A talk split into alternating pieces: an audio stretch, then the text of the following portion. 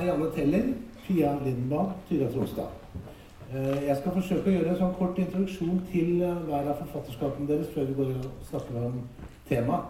Eh, Slik at ikke hver og en av dem sitter og snakker om sin bok etter tur og orden. Vi skal forsøke å få en samtale.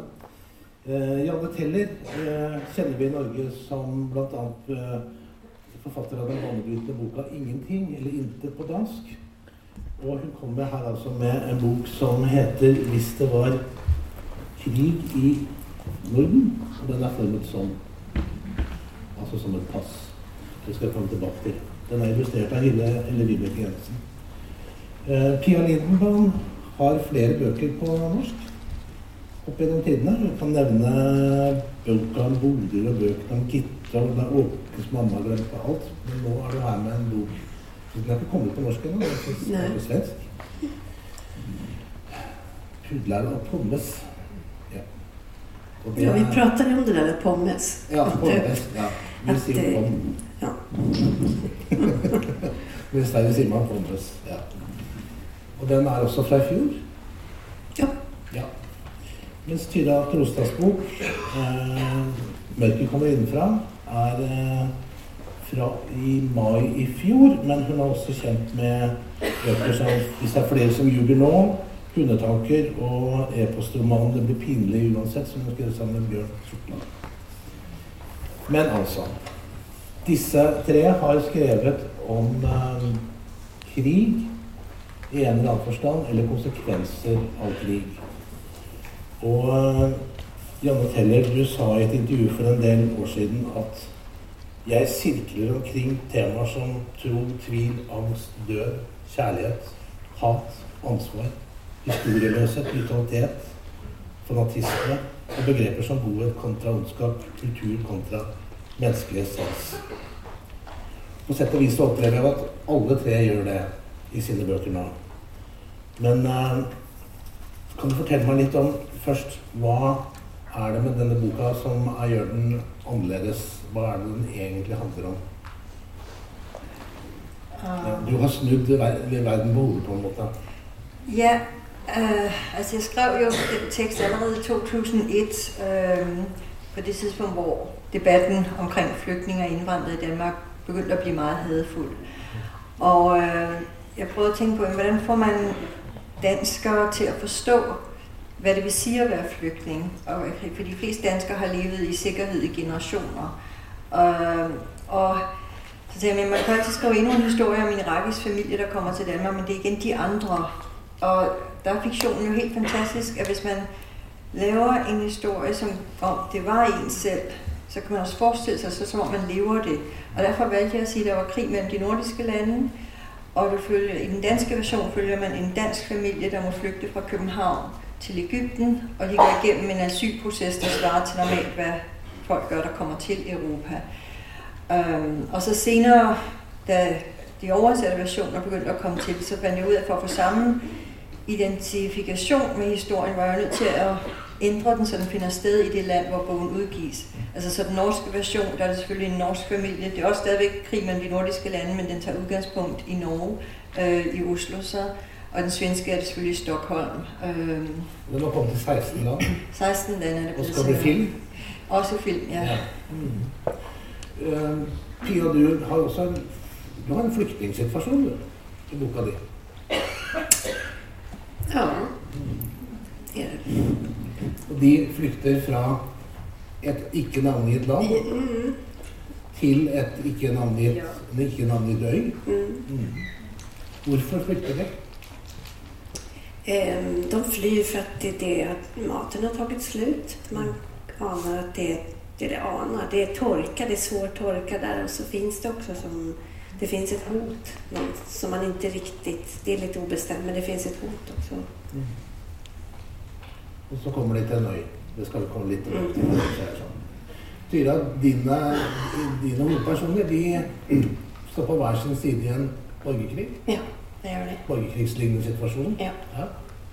Og vi, de, vi kommer ikke så langt som at de er inne i De begynner flukten. Mm. Der slutter du. Ja. Det handler om eh, to, to unge personer som prøver etter beste, beste og noen ganger fattige evne eh, å overleve. Mm. og jeg har jobba med å prøve å gå så tett på det enkelte mennesket. Eller prøve å stille meg så nært opp til karakterene mine, som da står via sine familier på hver sin side av en konflikt. Um, og ved å komme så tett på, så er det ikke alltid så lett å se hvem som har rett, og hvem som tar feil. Og hvem som er god, og hvem som er ond. Så uh, det er på en måte mine Disse personenes viktigste kamp er å forsøke å på en måte på en eller annen måte for det første overleve, men også ta et uh, ja, slags standpunkt, eller finne ut av noe. Uh, hvordan kan man være et menneske oppi dette? Mm. Så det er det jeg har jobba med. Mm. mm. Janne, eh, du starter jo egentlig med at Norge er blitt et autokrati. Altså et diktatur. Eh, og hvor Egypt er et eh, land som ligner påfallende på et moderne vesteuropeisk land. ikke sant? Ja, det er demokrati. Ja, ja et demokrati. Ja. Um, når du, når du, gjør det på, når du tar det grepet der sånn øh, og, og, forsøker å få det sannsynliggjort Hva øh, Har du fått noen lesereaksjoner på, på hvordan, hvordan, folk ser det for seg? Ja, altså det jeg gjør i, i alle de forskjellige versjoner, som var viktig for meg, det er å si at det land som også familien flykter fra, det her er aggressorlandet. Fordi meget tit oplever vi, når flygtninge kommer til os, og så tænker man, altså, de kommer jo fra det land, der har overtaget eller er aggressivt i krigen. Men der bliver altså, civilbefolkningen jo stadigvæk også fanget i det. Så, øhm, men jeg har tit oplevet, at dem, som slet ikke vil forestille sig, hvordan det kunne være at være flygtning, fordi de nok ikke ønsker overhovedet at tænke på, hvordan vi egentlig behandler flygtninge, og om vi kan være det bekendt, måden de låser for den bog og den empati, som den ellers altså, vil tænde i dem, det er at sige, jamen det her kunne jo aldrig ske. Og så behøver man jo ikke tænke, at når jamen, altså, hvis det var os, ville vi gerne behandles bedre, end vi i Europa i dag behandler flygtninge. Øhm, men for mig er det jo, er scenariet jo i virkeligheden kun, og det er også kun ganske kort beskrevet egentlig som en ydre omstændighed. Det kunne også være klimaforandring eller oversvømmelser. Øhm, så, men generelt og måske også fordi, jeg, jeg tager jo noget, der et eller andet sted ligger i de historiske, geografiske og geopolitiske forhold, der er. Altså, så har jeg ikke oplevet folk, altså, som øh, læser åbensindet, at de har et problem med de scenarier. Altså, de går ind i det, og så lever man med.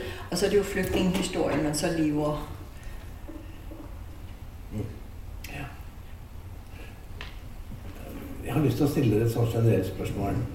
Uh, som egentlig er litt vanskelig tror jeg, å svare på. Men jeg prøver allikevel. Hva er det med skjønnlitteratur, og dette tilfellet da egentlig for barn og ungdom, som vi snakker om her, som gjør at den er bedre til å forklare en sånn situasjon? At man kommer i en sånn uh, så presset situasjon som man gjør i en slik. Hva gjør, hva gjør skjønnlitteraturen bedre enn faktalitteratur, journalistikk? Ja, unnskyld. Ja. Hva skjedde? De mener mye om det. ja, det er, det er, litt viktig å vite, da. For er, det, er det sant? Er det, er, det, er det, en bedre måte å framstille virkeligheten på som om virkeligheten er så fæl? Ja, øh, hvis, hvis jeg starter, så siger jeg ja på den led, at den kan noget andet. Der er fakta mindre vigtige. Fakta er meget godt som viden, men det går ind i altså, vores bevidste hjerne øh, det. Mens det fiktionen kan, er jo at opbygge et univers, som man kan leve sig helt ind i. Og måden, jeg mener, vi bliver ægte klogere som mennesker, det er ved livserfaring. Altså, det er meget godt, at nogen fortæller at du brænder dig, når du rører ved ilden, men det er først, når man har oplevet, altså at brænde sig lidt i hvert fald, at man ved, hvad det vil sige. Og da vi alle sammen kun kan leve vores eget lille liv, øh, så måden at forstå andres liv på, det er, når vi så kan sige, på en eller anden måde oplever det i vores sind. Og det gør man enten, når gode venner eller nogen, man kender, fortæller en om deres oplevelser, eller via litteraturen. Og litteratur eksisterer jo kun, når vi altså som læsere forestiller os den. Ellers det kunne være en juridisk tekst eller en tekst om en bilmotor, de der ord. Ikke? Det er ikke som en film, hvor alting er skabt.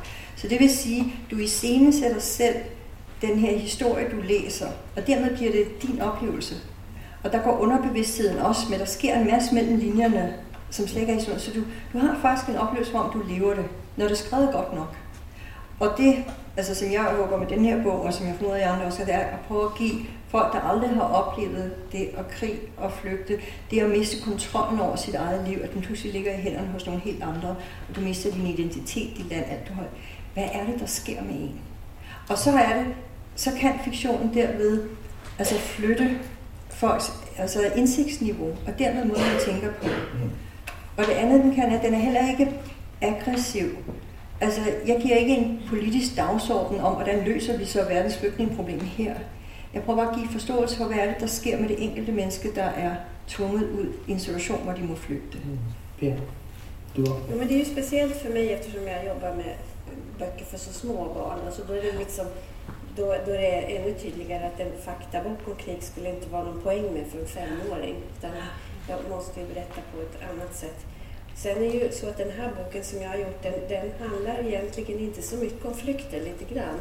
Utan den handlar ju ännu mer om mottagandet, alltså vi. Det drar in det läsande barnet och den läsande vuxna i berättelsen på ett annat sätt. Liksom att, att man, får, ja, men man får del av, man, man har en möjlighet själv att eh, eh, man kan inte göra så mycket åt flykten, men man kan göra någonting åt när, när flyktingarna kommer till oss. Då, då spelar det roll hur, hur vi agerer. Tyra, når du, når du skrev denne boka, eh, så har du gått langt inn i to hovedpersoner, Max og Linnea, Mhm. som står på hver sin side av en, eh, en borgerkrig som er eh, forferdelig.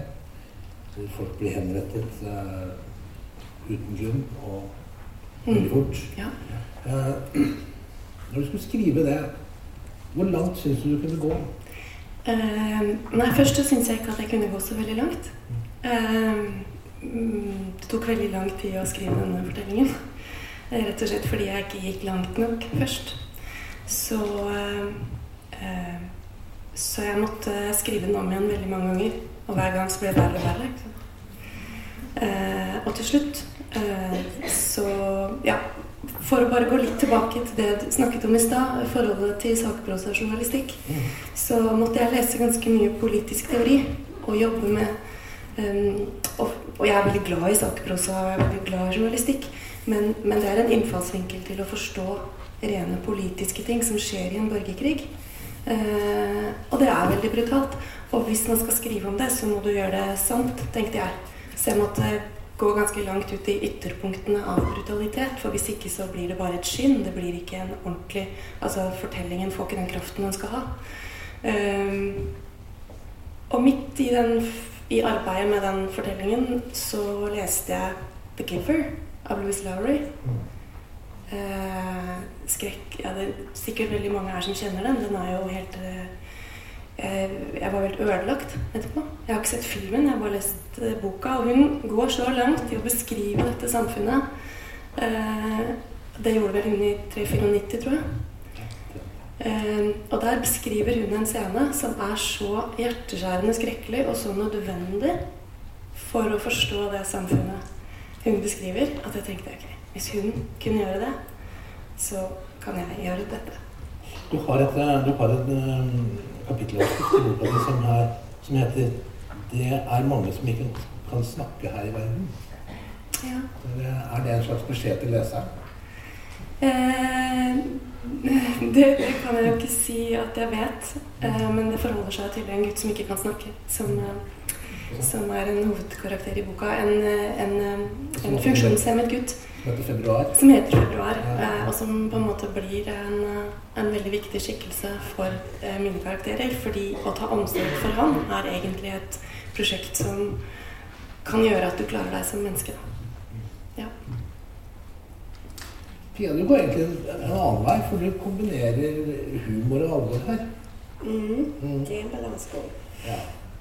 Hvordan var det å jobbe med det? Jeg tror at det det er mitt enda sett. Liksom, at, at, at, alle mine bøker er gjorda på det viset Og det, ville, det kunne ikke jeg liksom gå ifrån. Men jeg syntes likevel at det var et problem. Altså, att jag tänkte att om jeg kommer til å få kritik for denne boken. Om, kommer, ja, om folk kommer tycka den er eh, fel og jobbig så er det liksom for at man ikke får skoja om et sånt her eller det får ikke være så mye humor. Men, men eh, jag, jag, jag står för liksom att göra det på det här sättet ändå. Det, eh, det känns nödvändigt att ha med humor även i någonting som är så här svårt. Men betyr det at du var litt redd for å gi den ut? Nej, det var, men ändå jag tänkte på det, att folk kunde störa sig på det. Ja, det tenkte jeg ja. Ja, men så att de verkligen kunde... Jeg opplevde dere alle sammen at dere kom i sånne moralske dilemmaer når dere skriver sånne bøker som dette? Er det, er det noe her du tenkte at nei, dette sliter jeg med å skrive til, det vil jeg egentlig ikke skrive, men Altså mener du så skrive det for børn, eller skrive det i det hele taget? ja, det var forskjellen. Um, altså jeg hadde ikke problemet i, i den der, fordi jeg synes, jeg går ikke inn og beskriver noe der er for voldsomt, synes jeg, for, for børn og unge. Uh, altså jeg har haft en anden bok, en voksenbok, der handler om uh, folkemordet i Bosnien. Der er specielt en scene, hvor en ung pige bliver massevoldtaget i Mostar og bliver smidt ud af vinduet på gymnasiet bagefter og bliver brændt. Og det er en, det er en ægte historie. Det var sånn, sådan, da krigen splittede, hvor øh, bosnierne og de kroatiske bosniakker også begyndte at gå i krig mod hinanden. Det var, det var lige den hændelse. Og øh, det spekulerede jeg meget på, kan jeg tillade mig at beskrive det, for der er en familie til den her pige. Øh, men samtidig så synes jeg, det var så afgørende og så forfærdelig en scene, at den var jeg nødt til at skrive med. Øh, men man kommer ikke udenom de der etiske dilemmaer, når man beskriver altså virkelig krise spesielt, synes jeg.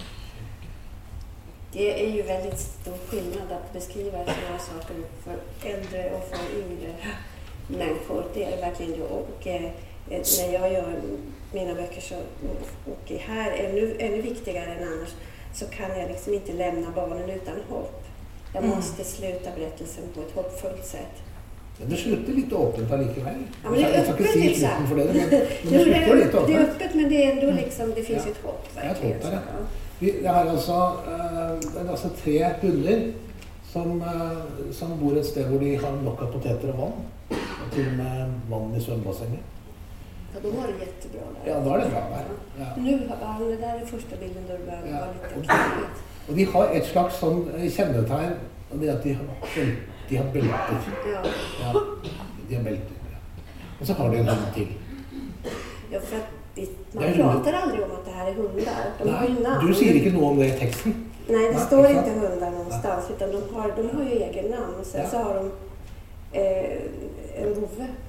Men alle dine barnebøker før er, er egentlig med hovedkarakterer som er mennesker. Ja. Hvorfor valgte du altså i framstillingen hunder her? Det hade varit omöjligt att göra det här på något annat sätt. Ska jag säga. Det var, att göra den boken var väldigt annorlunda för mig. Även om folk som läser den, som, som har läst mina andra böcker, säger att ja, jag känner igen det här är en typisk Pia-bok. Men för mig var det väldigt annorlunda att göra. För att jag tidigare alltid har beskrivit bara barn. Jag har beskrivit, det har handlat om mig själv, om hur jag mår och om mina nojor. Och det liksom mer som terapi väldigt mycket.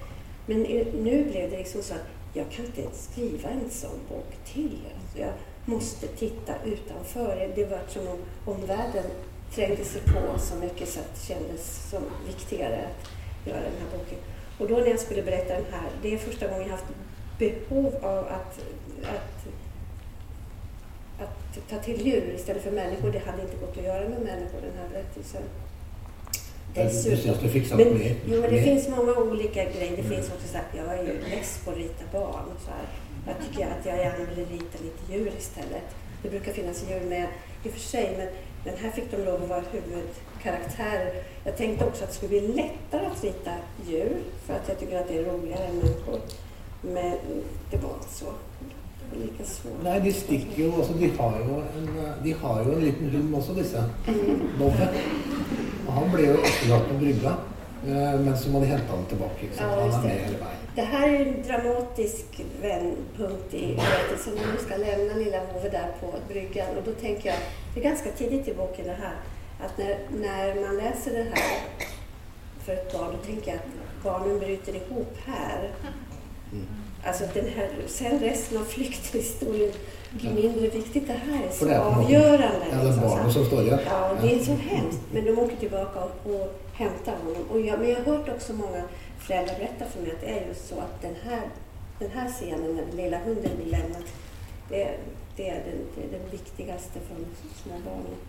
Og så kommer de fram til tre En annen ø, men der er det pudler i stedet. Det er pudler. Ja.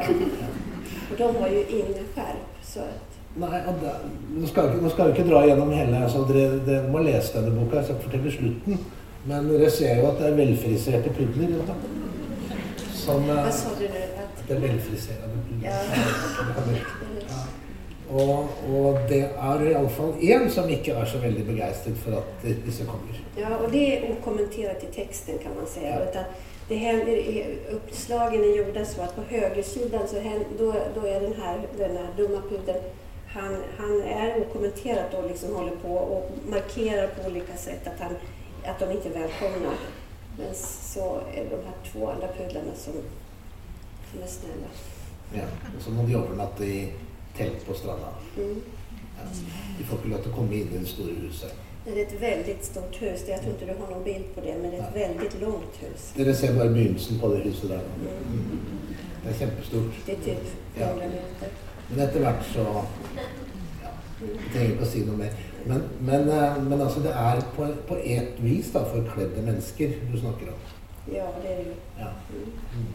Och det var viktigt för mig att de här hundarna som kommer till den andra ön, att de har med sig, att de har med sig kunskaper som inte pudlarna har. Så att, så att de, liksom, de delar med sig av varandras kunskaper. Och till exempel de där skärpen naturligtvis så är det ett eh, symbol för också att eh, de eh, kommer från en annan kultur, de har någonting annat med sig.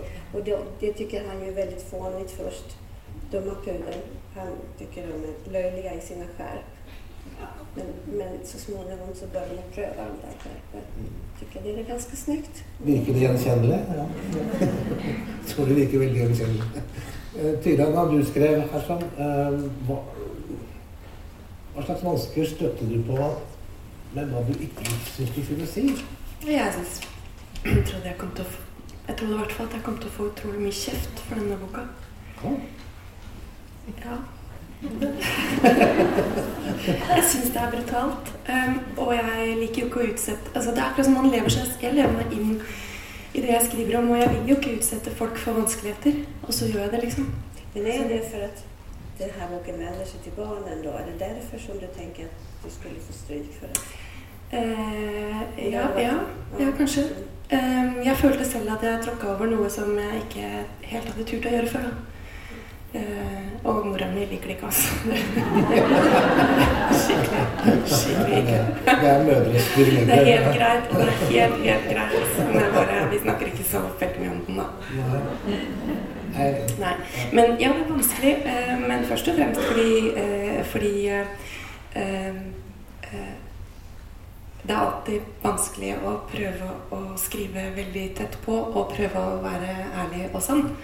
Um, og skru noe sammen. Eh, Det er det vanskeligste. Sant? Så det er teknisk vanskelig òg. Men det er også vanskelig å utsette karakterene sine for brutalitet. Eh, For du må jo leve deg inn i det. Det er hardt for den som skriver. Ja. Men ja. Det, det som slår meg når jeg leser alle tre, det, det er eh, Og det er, ikke, det er ikke en anklage langt ifra, det er bare et spørsmål. Eh, er det forfatterens ansvar å være et slags tidsvitne? For det er jo det dere alle tre er i disse bøkene. Dere, dere vitner om det, det, Altså, du skrev den i 2001, og den er fremdeles like aktuell, ikke sant? Eh, Ja, dessverre. Boka kom som essay i i 2001, som bok i 2005. Og, og blir nå relansert som film i 2018, så det betyr at den har en strekk på 17 år og fremdeles like aktuell tematikk. Men altså, de, dere alle, alle tre av dere um, opplever jeg er en slags tidsvitner som forfatter. Dere forteller om en tid som foregår nå, som har foregått en stund, som dere vil vitne om øh, på ulike vis. Men er det et ansvar dere føler? føler? Eller er det bare noe som ja, Jeg må gjøre dette. Men altså, hvordan, Hva var utgangspunktet deres, nærmest politisk og moralsk, for å gjøre dette? Altså, jeg ser meget forfatterens rolle som en slags, kan man si, hofnar eller joker, at vi dem, der... Altså tidligere sagde, man, sagde han sandheden til kongen, men i demokrati så er kongen jo folket sådan set, så man, man prøver som forfatter måske hele tiden at se igennem noget, som, som ikke nødvendigvis alle ser eller har tid til at fokusere på. Men jeg synes ikke, det er nødvendigvis er alle forfatteres ansvar at skrive om samfundsproblemer til hver en tid. Øh, hver enkelt forfatter har nogle talenter og nogle indsigter, og det er det, det er deres opgave at videregive. Men jeg selv er meget passioneret og engageret i samfundet, og, øh, og synes ikke, jeg kan komme udenom Jeg kan ikke lade være med det. Men det interesserer mig ikke kun at fokusere på et samfundsmiljø, men at trække også nogle filosofiske tråde. Altså se, hvad er vi som biologiske væsener? Hvordan hænger vi sammen med hinanden? Og, og ikke, altså hvor går ting skævt? Og det er også meget sådan, når du tager hunde, det er også jo, jo arketypisk. Altså man, man vælger nogle ting, som kan sige noget mere end bare en historie. Øhm, og det ser jeg personligt altså, som også et ansvar. Og så er man jo også menneske ud over forfatter, og som, som menneske og borger i et samfund, der har man et ansvar. Og der synes jeg, man har jo samme altså ansvar, som man har kapacitet. Som, altså, man må tage det på sig, som man kan. Ikke?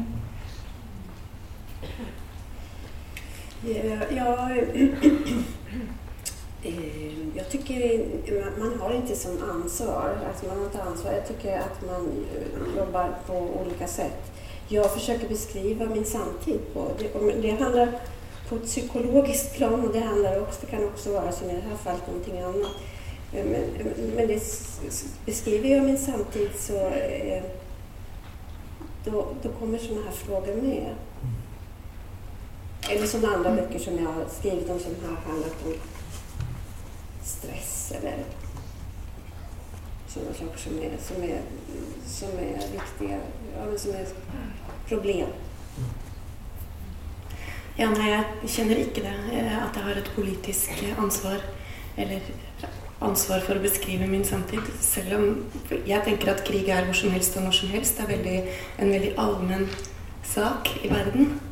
Uh, og, men det jeg vil, og det jeg ønsker meg, det er jo, i hvert fall her, å, å komme tett på det lille mennesket sine muligheter i umulige situasjoner. Og jeg ser på karakterene i den boka som på en måte mine helter, da, som tross alt klarer å mobilisere mot eh, til å flykte. Um, og det er et ansvar jeg kjenner jeg prøver å ta. Stille seg tett på det menneskelige. Da. Og, og eh, det kjenner jeg at jeg vil ta ansvar for, men ikke, det er ikke et politisk spørsmål for meg. Det er ikke bra sagt. Det vil jeg, jeg vil henge på. det var mye bedre Men man kan heller, altså i litteraturen kan man jo ikke ta et politisk ansvar, for så faller det på en eller anden så har man ikke den der almindelige menneskelige dybde med. Det kan man måske gjøre i, ja, i en artikel i en avis eller noe. men hvis man vil skrive noget, hvor, som giver den her forståelse, som kun litteraturen giver, så må man kigge på enkeltmennesker. Og det er jo der, hvor også litteraturen står stærk i forhold til filosofi, der kigger på, de, hvad de mange gør. Litteraturen er overbevisende, fordi du går ind og kigger på, hvad de enkelte gør. Og det overbeviser kun læseren, hvis det faktisk er en sandhed i det. Altså sådan, hvor du går så tæt på din historie, din karakter, at jamen sådan ville man handle, hvis man var den her person i den her situation så vil man også selv handle sådan. Altså, så du får en, med, en sådan universel menneskelig genkendelse. Og, og så får du den her indsigt. Og der, hvor de så på næste niveau bliver politisk, er jo, hvis man kan give en indsigt til mennesker, som måske havde tænkt helt anderledes inden. For eksempel omflygtning, folk der siger, at de kan bare passe sig selv, men så pludselig får en erkendelse af, Gud, hvad hvis det var mig, hvad ville jeg så gøre? Ja, så kan man jo ændre noget her i verden, men det kan ikke være ens umiddelbart formål med teksten. Men, men då, då är, förlåt, men då, alltså det vi har det är ett konstnärligt ansvar yeah. för att kunna beskriva de här sakerna som, som vi vill berätta. Yeah. Att göra det på ett trovärdigt sätt. Absolut. Og så, men så sekundært kan man jo godt påvirke meget i verden, hvis ja. man kan videregive noget forståelse mm. for nogle situationer. Mm. Det kan bare ikke altså, være teksten, altså formål at være politisk, for så falder den. Altså. Men det er et stort, stort ansvar. Ja. ja. Men samtidig så opplever jeg at dere alle tre er ute etter Hvis dette skjer, og når det skjer på den eller den måten, som kan være forskjellig, men likevel veldig gjenkjennelig og likt, eh, så er konsekvensene det og det og det. Har det ligget langt framme i tankene dere skrev dette? Men det er det jeg opplever også som konsekvenslitteratur. På en måte. Ikke, altså, dere, sier, dere sier veldig tydelig eh, i underteksten at når, når en situasjon oppstår sånn at folk kommer i den eh, forferdelige posisjonen at de enten må flykte eller står i fare for å bli drept, så skjer det og det og det og det. Og det skjer med dem. Ikke sant? Det skjer med hovedpersonene deres, det skjer med folkene dere, dere snakker om, eller disse 300, de tre som taler om til nå. Eh, Har det, har, når man skriver, eh, lå det langt framme i tankene deres når dere skrev at ja, her, er det liksom, her kommer det konsekvenser som jeg er nødt til å følge? Eller var det noe som kom overraskende på? Når du skrev dette, ble du overrasket av, av hva- slags konsekvenser Ja. hovedpersonen dine kom opp i? Jeg var overrasket hele tiden. Um, men uh, allikevel så er det kanskje et et vanskelig spørsmål. Jeg tenker at grunn, grunnleggende i veldig mange fortellinger er jo det spørsmålet som Meg Rossoff nevnte i stad, altså hvem er jeg? Um, det spørsmålet blir veldig tilspisset i konflikt, altså. Eh, så konsekvensen av å stille spørsmålet 'Hvem er jeg?' i en krig, det er, det er, eh, det er jo interessant da, og vanskelig. Og det er kanskje det vanskeligste. Og hvem blir jeg hvis, jeg, blir jeg? hvis jeg Ja. gjør dette? Og hvem blir jeg hvis og? Ja, hvem er jeg? Hvem blir jeg? Eh, for vi er jo ikke alltid de vi De skinnende gode menneskene som vi kan tillate oss å være når vi har all, alle valget på avstand. Sånn, Grunntemaet i barnelitteratur er jo, er jo identitet. Og her er det jo egentlig alle utsatt for å miste eller tape deler av sin identitet pga. det som skjer med dem. Ja. Men det skjer jo nettopp altså når, når vi tenker, krig, jeg tror, også, altså, det meste, jeg tror, handler jo netop om konsekvens. Der er noen situationer, og så konsekvensen øh, så er hva man øh, velger, eller hvordan man vælger å handle i de her forskellige situationer. Der er bare med, med krig, er det så meget tydeligere, og folk, der flygter, så blir det så, så meget voldsommere. Jeg tror, altså, jeg har i hvert fall ikke personlig sat meg for at si konsekvenserne vil være sånn. Du starter den motsatte vei med noen personer og en situation, og så ser du, hva konsekvenserne blir. Øhm, og altså til min egen, ja, det burde måske ikke have været overrasket, men var, var, var alligevel overrasket over den der følelse af, jeg har jo en såkaldt succeshistorie, en familie, der overlever, der får opholdstilladelse i Ægypten, der lærer at klare sig. Det er bare på et andet niveau, end hvor de startede med akademiske stillinger, så ender de med at bage småkager i, i Ægypten, men overlever. Men, og drengen, der fortæller det, som ikke får en uddannelse, men dog får sit liv der. Den her oplevelse af, selvom han er i sikkerhed, selvom han har sit liv der og er okay, og hans børn går i skole og så videre, så længes han hele tiden efter et hjem, men hjem hvor? Altså hvordan det her identitetstab bliver en del af hans liv, bliver et livsvilkår for ham og vil egentlig i flere generationer nedad. Altså. Og konsekvensen hvis han drar hjem, og det er blitt fred, og kommer dit, så hører han ikke hjemme der. Så hører man ikke hjemme mere heller. Nej. Og, og det er jo et typisk flygtningvilkår. Ja.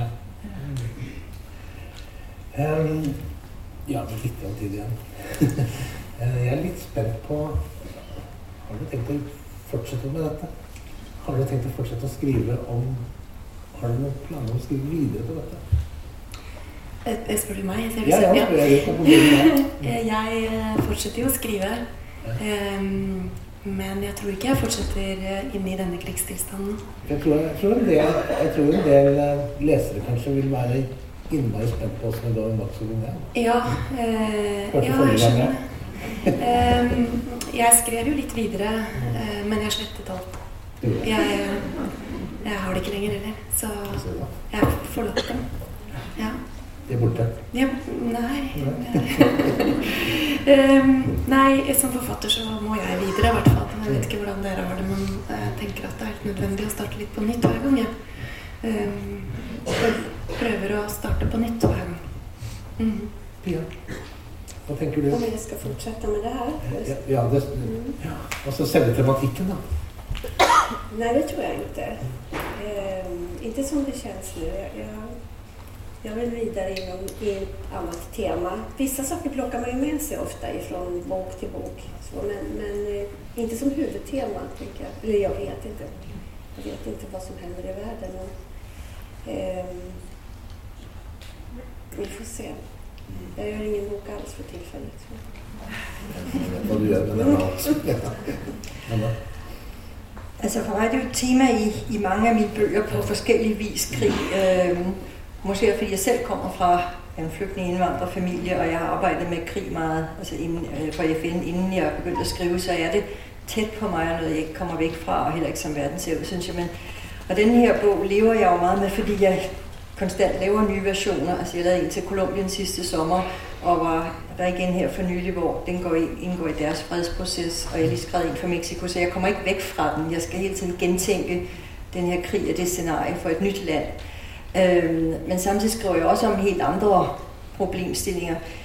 Jeg tror, jeg ser meget sådan, altså meget store temaer, som ja, krig og vold og liv og død. Det I hvert fald for mig er det med alle vegne på en eller anden dimension. Øh, også selvom jeg så ikke skriver så direkte om det i, i noget nyt, jeg skriver. Ja, da er vi kommet omtrent til veis ende. Vi- Vi kunne sitte og prate om dette her hele dagen, syns jeg. For dette er et nærmest utømmelig tema.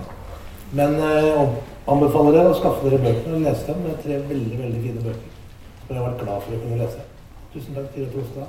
Jørgen Dell.